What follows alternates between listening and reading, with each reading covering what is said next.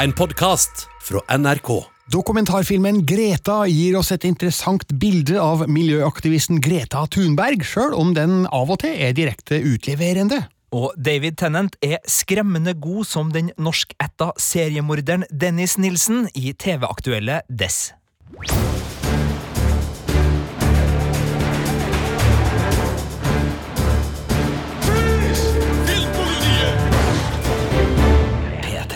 Jeg heter Birger Vestmo, sitter her sammen med Sigurd Vik. Og Sigurd, eh, det føles på en måte som at Greta Thunberg har vært i mediebildet i mange år? Hun har blitt et ikon på uh, klimabevegelsen, og ja, det som du sier, altså uh, nå så, så husker ikke jeg uh, en tid før Greta Thunberg, nesten ikke, men, men hun ja. ja. men Det er bare to år siden hun eksploderte på den internasjonale arenaen og gikk fra å være en ensom skolestreiker til et miljøikon. Så um, det har gått fort, det her, og nå er allerede en dokumentarfilm på plass om Greta Thunbergs liv og hennes Eh, nylige aktiviteter. Den har jeg sett. Den heter rett og slett Greta. Greta, you know Greta? Greta intresserar sig av klimatet och har blivit riktigt livrädd av alla lögner som samhället matar henne. Fuck Greta! Mina föräldrar, de är väldigt oroliga och rädda. Men jag är ärligt talat inte så rädd. För jag är mer rädd för vad som ska hända om jag inte gjorde det people are starting to understand your betrayal. The eyes of all future generations are upon you. And if you choose to fail us, I say we will never forgive you. Det du hørte der, er jo et av de dramatiske høydepunktene i dokumentarfilmen Greta, og et godt kjent øyeblikk for alle som har fulgt nyhetsbildet og miljøkampen de siste åra. Så det er mye i Greta som vi har hørt eller sett før, og um, jeg må jo si at uh, jeg stadig vekk imponeres av uh, måten Greta Thunberg uh, greier å ordlegge seg på. Hvordan hun har gjennomtenkte, reflekterte holdninger som hun uttrykker skarpt og presist. Og når vi ser hun tale i denne filmen, og som vi har sett i nyhetsklipp før, da, så man får jo nesten følelsen av at uh, hun må ha en uh, retorikkekspert i ryggen som skriver talene for hun. Uh, men det er jo en av de morsomme tingene vi ser da i dokumentarfilmen Greta. Det er Greta Thunberg sjøl som sitter og finpusser på manusene, og vifter vekk faren når han prøver å legge seg borti hva dattera skal si. Så jeg føler jo da at filmen med høy troverdighet greier å formidle det ektefølte engasjementet Greta Thunberg har da i miljøspørsmål. Ja, for Det er jo ikke noe tvil om at når det dukker opp sterke personligheter som blir til mediefenomen, så er jo selvfølgelig eh, filmbransjen ute etter å, å, få fram det her, og det lages dokumentarer. Så da er jo sto, det store spørsmålet når jeg først så den filmen her, altså er det her en eh, dokumentar som er raska sammen av medieklipp laga av noen som har lyst til å tjene litt raske penger på Greta Thunbergs berømmelse, eller er det en dokumentarfilm som kommer fra eh, Greta Thunberg sjøl, på en måte, altså uh, mer folk rundt henne, altså har hun gitt tilgang til en dokumentarfilmskaper som skal fortelle hennes historie. Det er jo flere muligheter her, og du har jo da svaret på det her, Birger. Hvilken dokumentar er det? Svaret er det siste. Regissøren eh, heter Nathan Grossman. Han har eh, fulgt Greta Thunberg tett gjennom de siste to åra. Og filmen starter jo med at Greta Thunberg sitter alene utafor den svenske riksdagen med den eh, plakaten sin som sier at hun skolestreiker for miljøet. Filmen sier ikke hvilken tidslinje vi er på her. Det kan hende at eh, det her er filma etter at Greta Thunberg ble eh, kjendis, fordi hun har jo fortsatt disse skolestreikefredagene sine utafor Riksdagen.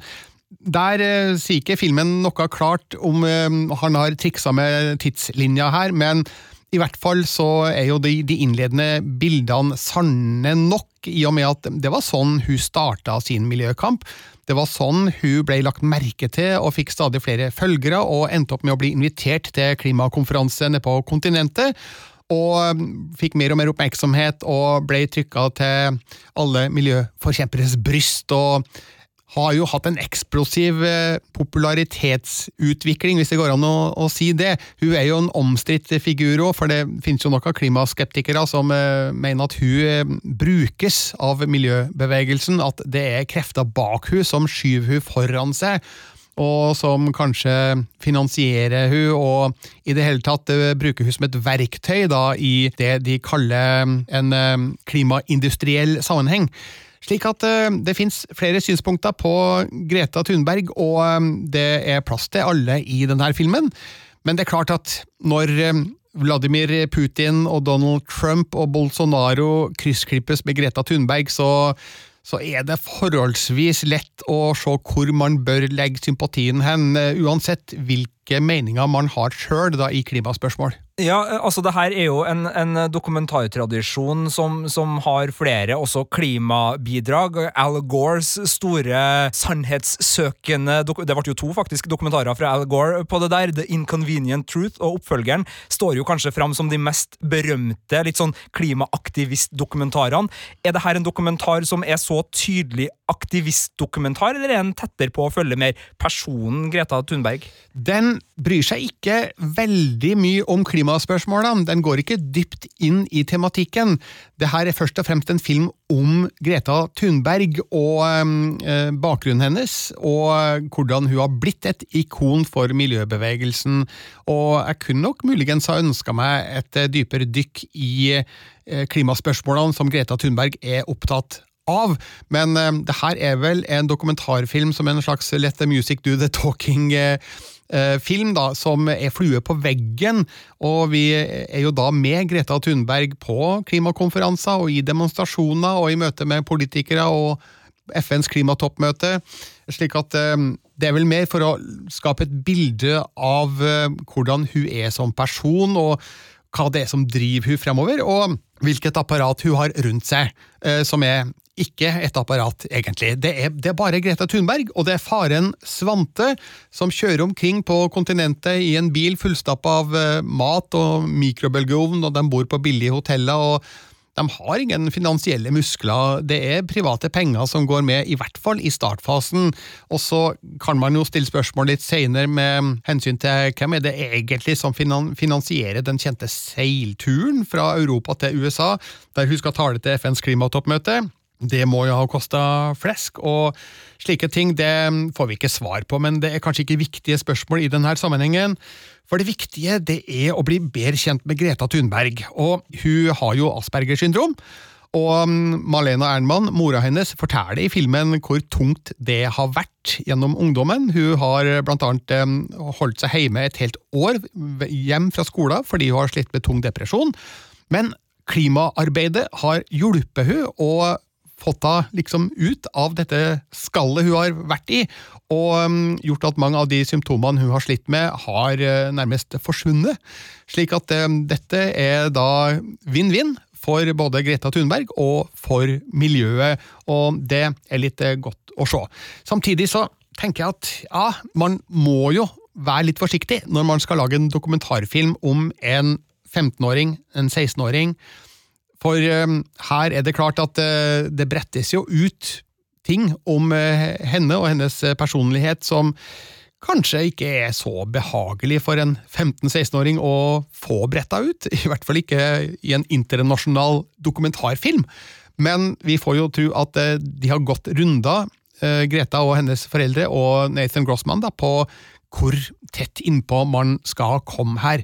Men det er klart, han har full access. Kameraet er på eh, både Greta Thunberg og, og, og, faren spesielt, da, over lengre tid. Og det virker jo som om de ikke egentlig enser at det er et kamera der. Fordi det virker på meg som et veldig naturlig far-datter-forhold, det som skildres i filmen.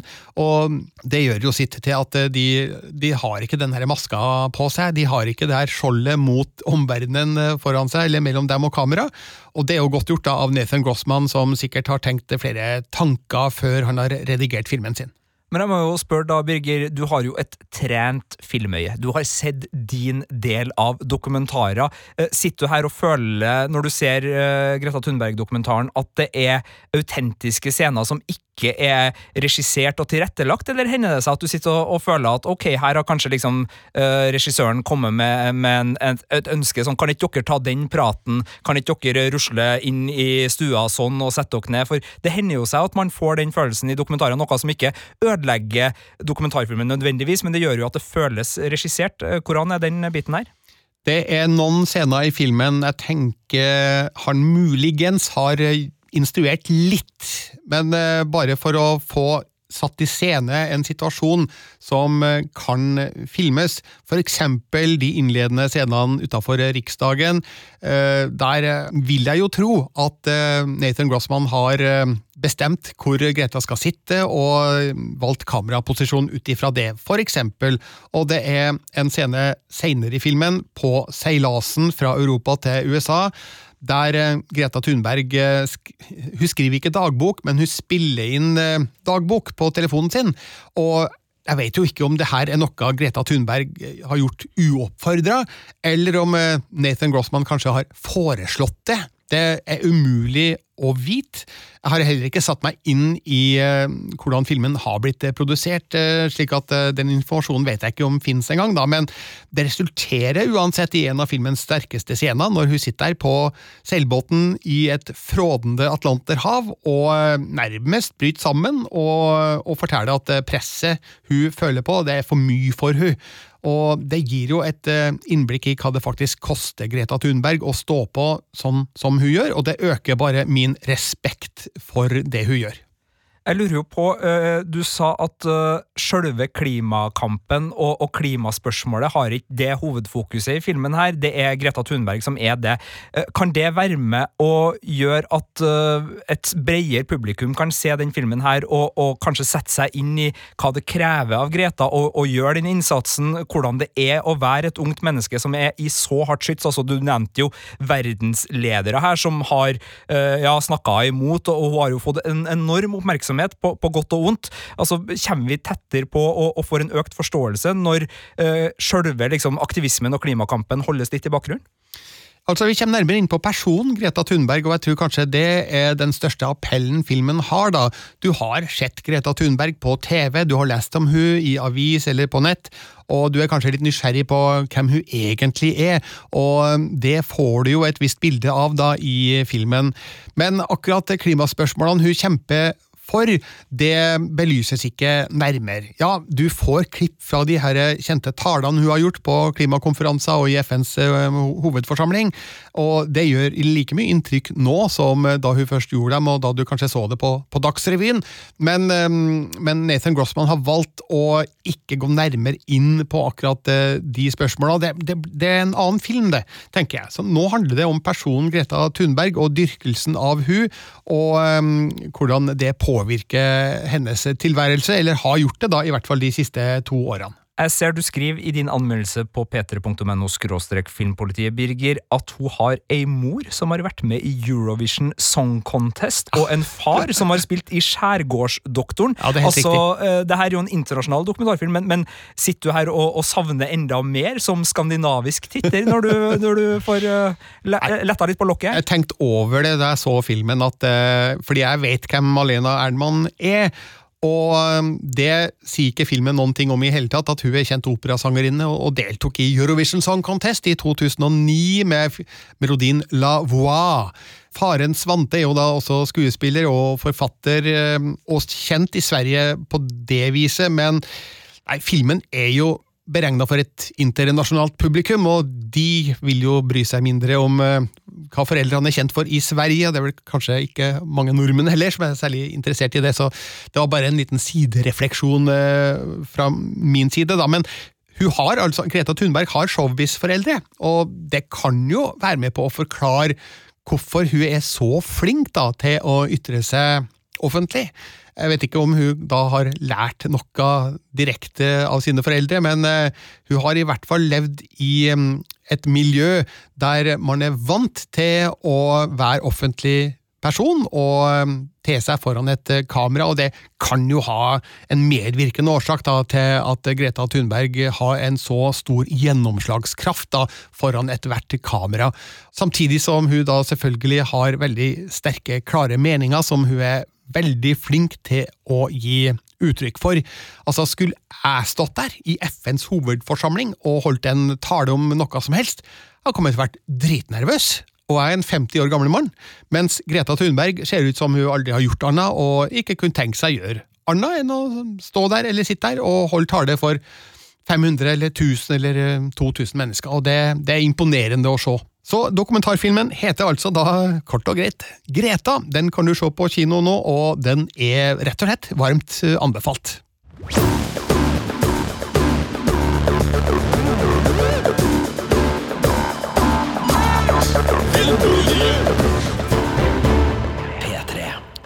Da er det på tide å hoppe fra kinolerretet til TV-skjermen, for der skjer det òg interessante ting nå, Sigurd? Ja, mandag 9. november, det er ganske snart, så er det premiere på en av høstens uhyggelige serier. En serie vi i Filmpolitiet har gleda oss veldig til. Vi har hatt den på, på lista over de seriene vi gleder oss mest til i høst, faktisk. Det er en seriemorderkrim basert på en virkelig seriemorder med David Tennant. Ja, selveste David Tennant i hovedrollen, og den heter Dess. Take your time. Take us through it again. So we're talking about one body or two? 15 or 16. I've now charged a man by the name of Dennis Nilsson with murder. Confirmed. Nice to listen to. Makes me feel human again. Des heter altså serien, og selveste David Tennant, eh, sier du, men det er jo ikke sikkert at alle veit hvem han er? Nei, de, de serienerdete vet jo hvem han er, og Harry Potter-fansen vet jo hvem han er, og Doctor Who-fansen vet jo hvem han er, og Ducktales-fansen vet jo hvem han er, og dem som elska påskekrimmen eh, fra tidligere i år, vet jo hvem han er. Men du har rett, David Tennant skal få en liten ekstra introduksjon her. Han er en eh, skotsk eh, skuespiller, veldig kjent som den ene detektiven fra Broadchurch. Det var det der i hvert fall norske TV-seere har han fra, og ikke minst da fra Harry Potter-filmene, hvor han spiller Barty Crouch jr. i The Goblet of Fire-filmen, en ganske sentral rolle der. Og Doctor Who har han spilt, kanskje litt mindre kjent i Norge, og eh, mange så kanskje Good Omens på Amazon Prime? Han har vært der òg, og ikke minst så var han i Netflix-superheltserien Jessica Jones, der han spilte Kilgrave, altså antagonisten i sesong én. Så han er en fyr som har gjort mye, og han er et ansikt som er veldig markant og lett gjenkjennelig, og han fungerer godt som helt. Og så fungerer han kanskje enda bedre som skurk, og det er jo det ITV da i England har uh, merka seg når de skulle lage sin niende miniserie om britiske seriemordere, for det her er noe de har holdt på med siden år 2000. altså De lager jevnlig sånne litt sånn studier i det makabre, om man vil, altså virkelighetsnær krim, og har tatt for seg da noen av Storbritannias verste. Og Dennis uh, Nilsen, da, som de har kommet til nå, er en norskætta uh, skotsk seriemorder som kan sies å være kanskje blant Englands, om ikke Englands, mest berykta. Han drepte minst tolv personer uh, i mellom 1978 og 1983 i London, og jeg skal ikke gå så mye inn på det, men han har noen signaturtrekk og noen detaljer i sine drap som gjør at han er godt uti det makabre og det ganske groteske, og derfor så var jeg veldig spent på hvordan de skulle løse det her. Altså, for hvis de Altså, ta det litt tilbake, da. Altså, uh, true crime, veldig populært om dagen. Massevis av produksjoner, og vi kan liksom ikke få nok, enten gjennom podkaster eller TV-serier, om krim fra virkeligheten. Altså Serial, Making a Murderer, The Jinx altså Vi, vi fråtser i det.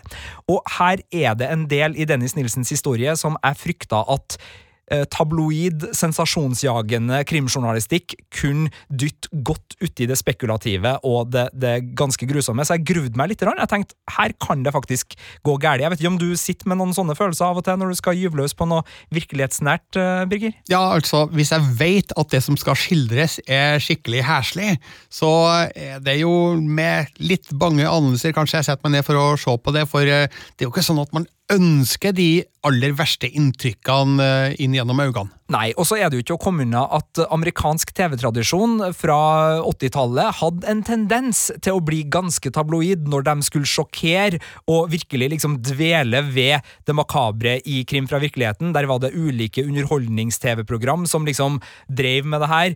Se på den her typen, da. Han er drøy, eller hun er helt gal. Få med deg det her. Se, se, sjokk, sjokk. Store bokstaver, utropstegn. Uh, og hvis de hadde gått den veien, så hadde det jo sittet veldig dårlig i magen, men ITV kjører det sobert, og David Tennant, sjøl om han ligner veldig på Dennis Nilsen, og det er ganske uhyggelig, han spiller det også ned. Og det er ingen eh, av de drapene som skildres visuelt. Og jeg kan jo si at Stikkordet her er nekrofili, og det er sadisme, og det er en del veldig veldig groteske ting som, som skjer, men vi slipper å se det. Og det er fint, for i løpet av de her tre episodene som eh, det svarer i, så er det etterspillet og vitneforklaringer og en del sånne ting som utgjør spenninga. For uh, det som kan virke som en angrende seriemorder som er glad for å bli tatt, eh, blir raskt til et spill mellom etterforskere, media, en biograf og en seriemorder, som eh, blir ganske interessant, og som viser at kanskje så er Dennis Nilsen smartere enn politiet tror da de får tak i ham. Han har kanskje en plan med også sin egen arrestasjon. Og på 80-tallet, hvor eh, ja, krimpsykologien og nysgjerrigheten for seriemorderens syke kanskje ikke var like utvikla som den er i dag, en tematikk som også serien Mindhunter, som David Fincher laga for Netflix, tar opp, eh, så var det litt mer sånn der jo, jo, men han tilstår jo, bare få han til å snakke, få han til å snakke, her har vi han, nå skal vi ta han, nå skal vi henge han der, og så bare har han juridisk finta dem litt utover sidelinja, muligens. da. Så det, det, er en fascinerende serie som eh, gjennom selvfølgelig lukta på åstedet og måten etterforskerne brekker seg på når de eh, går inn der, eh, viser oss det ubehaget og det gufset som er når du lar dusinvis omtrent av lik eh, råtne under uh, gulvplatene dine, men vi slipper da å, å sitte her og være med på uh, sjølve ugjerninga, og vi kan heller liksom trekke pleddet litt godt oppover føttene i sofaen og, og ta en tekopp mens eh, en litt mildere utgave av ubehaget synker innover oss. Du nevnte Mindhunter, og eh, den serien gjorde det jo på samme måte. Altså, den, eh, den beskrev ugjerningene, men viste dem ikke. og Tror du de har kikka litt på den under arbeidet med Des? Ja, det tror jeg fort de har, for den tar opp en del av de samme litt sånn uh, typiske utfordringene, og her uh, bruker nok uh, dramaserien dramaseriens metode, fordi det er litt sånn typiske dumme politifolk som bare vil liksom komme til sakens kjerne og få han arrestert, samme på, og så har du liksom en, en, forfatter, da, en biograf, som er mer den der nysgjerrige, og som tenker at ok, her ligger det noe bak, og det viser jo seg da at Dennis Nilsen har en bakhistorie. Han er sønn av en skotsk mor og en norsk far som eh, kom til Skottland under andre verdenskrig. Eh, og han vokser opp med et veldig sterkt forhold til bestefaren sin. Og så skjer det da ting i, i, barndommen, uten at jeg skal gå inn på det, som gjør at han får en litt stusslig oppvekst og, og, får en del ting som, som preger en for resten av livet, og som da kan være med å forklare. Og biografen er jo da nysgjerrig på uh, hva er det som gjør at en person får disse kall det opphengene, altså at han blir den drapsmannen han blir, for det her er jo ikke en normal drapsmann. Han har jo ikke uh, en, en, motivasjon som er liksom lett å få øye på. Her er det ikke noe vinning, her er det ikke noe, noe opplagt som, som, gjør at Dennis Nilsen skal ta livet av unge menn på den måten han gjør.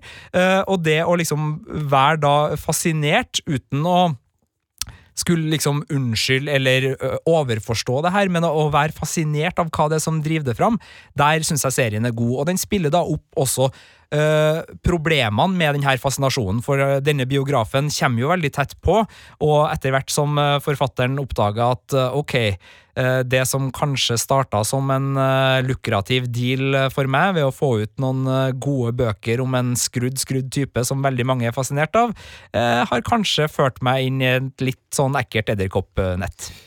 Får du noe sympati for Dennis Nilsen i den serien her? Går det an? Eh, altså, det, det, det, er en del av leken, eh, det der. Fordi eh, David Tennant er jo en glitrende skuespiller, og han spiller jo eh, Dennis Nilsen med en veldig sånn snusfornuftig stil. Og han starter liksom sånn så bra at dere tok meg nå, altså, for det, der, det er jo helt forferdelig det jeg holder på med. Så det er veldig bra at dere tok meg nå, og jeg skal selvfølgelig hjelpe dere med alt. For det er bra at sånne som meg ikke er der ute og går. Og, og det er jo utgangspunktet litt sånn her, ja, ok, ja, ja, nei, men da vet du i hvert fall det, da. Og så, ja, så får vi litt god hjelp. Og, og så merker man jo etter hvert at uh, han har en plan med, med, det her, og etter hvert som vi ser planen, så ebber jo sympatien ut, men fascinasjonen uh, forblir. Og her er han også godt hjulpet av mannen som spiller advokaten hans, for sammen så gjør de en del ting i, innenfor det britiske rettssystemet som er helt by the book, men som allikevel får det til å knyte seg i nevene til publikum, for det er uh, ganske så utspekulerte greier. Og, og den biten òg, altså hvordan rettssystemet er skikka til å ta imot denne type forbrytelser, Eh, det syns jeg er veldig fascinerende, og det handler jo selvfølgelig da om eh, å være strafferettslig tilregnelig, eh, og, og eventuelle strafferabatter man kan få hvis man kan vise at man ikke var det, osv. Så, videre, og så, så det er en fascinerende reise i så måte. Og jeg beklager at jeg spoiler litt her nå, men det her er da en sann historie fra godt over 30 år siden, så jeg, jeg tenker at man må, må, tåle litt der. Men uh, det er en uh, velspilt reise som gjør at man får noe ut av det, sjøl om man vet litt sånn cirka hva det går, og vet hvem som har Uh, man vet hvem morderen er, Birger. Ja. Man vet hvem morderen er. det var ikke butleren. Det var ikke butleren denne gangen. Dess har altså premiere på mandag, og hvor hen? Den kan sees eh, på mandag på Seymour og TV2 Sumo, eh, og så kommer den da på TV2 litt senere på lineær-TV. Og så skal jeg eh, tilstå at selv om den bare er på tre episoder, så er det litt sånn dødtid i den episode to, men når dere kommer dit, ikke fortvil, for den tar seg raskt opp igjen og får en god cliffhanger på tampen av episode to, og jeg er glad det bare er tre episoder, for da er det liksom overkommelig og ganske tettpakka hele veien. Det her er en serie som på seks episoder, og hvis de skulle ha liksom dvela ved, mer ved, ved politietterforskerne og alt det der, så kunne det blitt litt kjedelig, men jeg syns Dess holder seg veldig bra, og derfor, Birger, så får Dess en terningkast fem, som er en meget god serieanbefaling. Eh, og selvfølgelig, hvis du ikke elsker seriemordere, så skal du holde deg langt unna den her, men hvis du har en liten fascinasjon for krim fra virkeligheten, så er Dess da på Sumo og Seymour en klar høstanbefaling. To femmere altså i denne podkasten. Én til dokumentarfilmen Greta og én til miniserien Dess. Så her er det kvalitet for alle penger. Da er vi ved veis ende denne gangen. Vi minner jo selvfølgelig om vår andre podkast eh, som handler om The Mandalorian. Det er en veldig nerdete Star Wars-podkast som kommer ut hver mandag. Det ligger allerede to episoder ut, og det er en podkast som følger da The Mandalorian sesong to, som går på Disney pluss, med eh, diskusjoner, fanteorier og ikke minst eh, kåring av det beste og verste i episodene og lytterspørsmål. Så hvis du driver og ser på The Mandalorian, har noen fanteorier eller noen spørsmål fra forrige episode eller til neste episode, send oss gjerne en e-post på filmpolitiet at nrk.no. Og hvis du ikke ser The Mandalorian, Birger, så anbefaler vi vel den også? Selvfølgelig gjør vi det. Jeg ga den første episoden av sesong to en femmer på terningen, og så får vi se da når hele sesong to er ferdig, da, om eh, den eh, går opp eller om den går ned. Time vil show, som Rudolf Blodstrup Moen sa det i Flåklypa Grand Prix. En liten referanse der til. Et høydepunkt i norsk filmhistorie. Og så må jo alle høre oss på P3 søndag fra 12 til 15. Der skal vi snakke igjen om både Greta og Dess, men i tillegg den norske filmen Gledelig jul årets første og kanskje største julefilm vi får se, og også den amerikanske komedien Palm Springs, som eh, leker litt med tidsbegrepet. Altså, Du mener at Jul på Kutoppen ikke er den første norske julefilmen, for den har også premiere nå? Ja, da får vi se hvilken av de som har eh, premieretidspunkt først, da, på fredag. Jeg krysser fingrene for at barnefilmen eh, kommer til på dagen. Neida, men det er altså, altså Kinojula er i gang, det er det ingen tvil om, eh, og vi har anmeldt begge de nye norske julefilmene. Ho, ho, ho, Birger yes. Vestmo. Finn oss også på Instagram og på Twitter. Søk etter Filmpolitiet der. Vi har en e-postadresse du kan bruke hvis du har et spørsmål eller en kommentar. Filmpolitiet, alfakrøll, nrk.no er det. Vi som har vært i studio i dag, er Sigurd Vik. og Birger Vestmo. Du har hørt en podkast fra NRK P3. Hør flere podkaster i appen NRK Radio.